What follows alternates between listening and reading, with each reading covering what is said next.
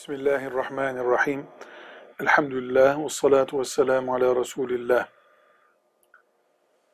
Zekat,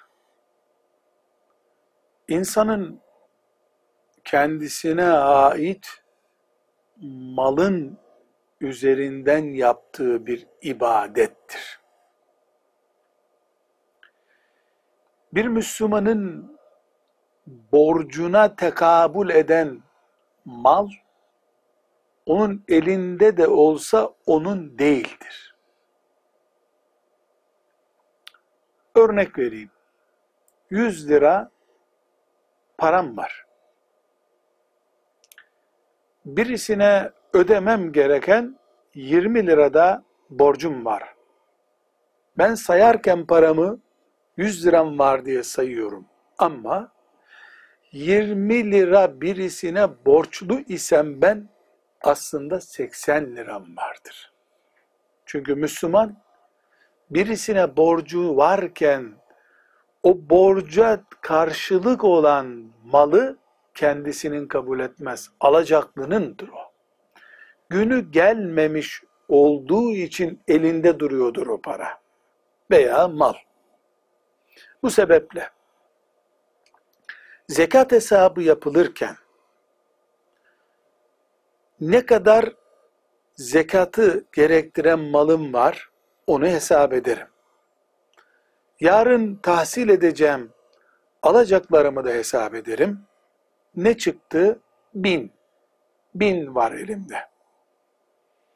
Borcum varsa benim, imzaladığım senetlerim, çekim varsa ben onları düşmek zorundayım.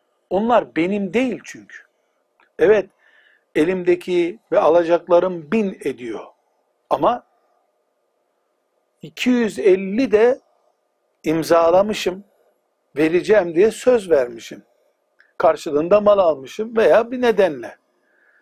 Benim 750'm var kabul ederim.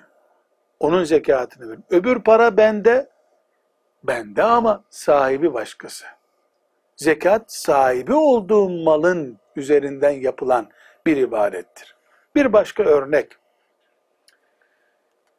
10 taksitte ödeyeceğim bir borca girdim. 100, 100, 100, 10 taksit ödeyeceğim. Bu ay birinci taksidi ödeyeceğim. 9 ay sonra belki 10. taksidi ödeyeceğim. Ama neticede o 10 taksit 10 ay sonra da olsa, 20 ay sonra da olsa benim olmayan bir parayı tuttuğumu gösteriyor. Taksitlerin toplamı kaç paradır? İmza attığım. Karşı tarafın mahkemeye müracaat edip benden alacağı hakkı durumuna geçmiş olan taksitler ne kadardır? 10 taksidim bindir. O bin bende yok kabul ederim.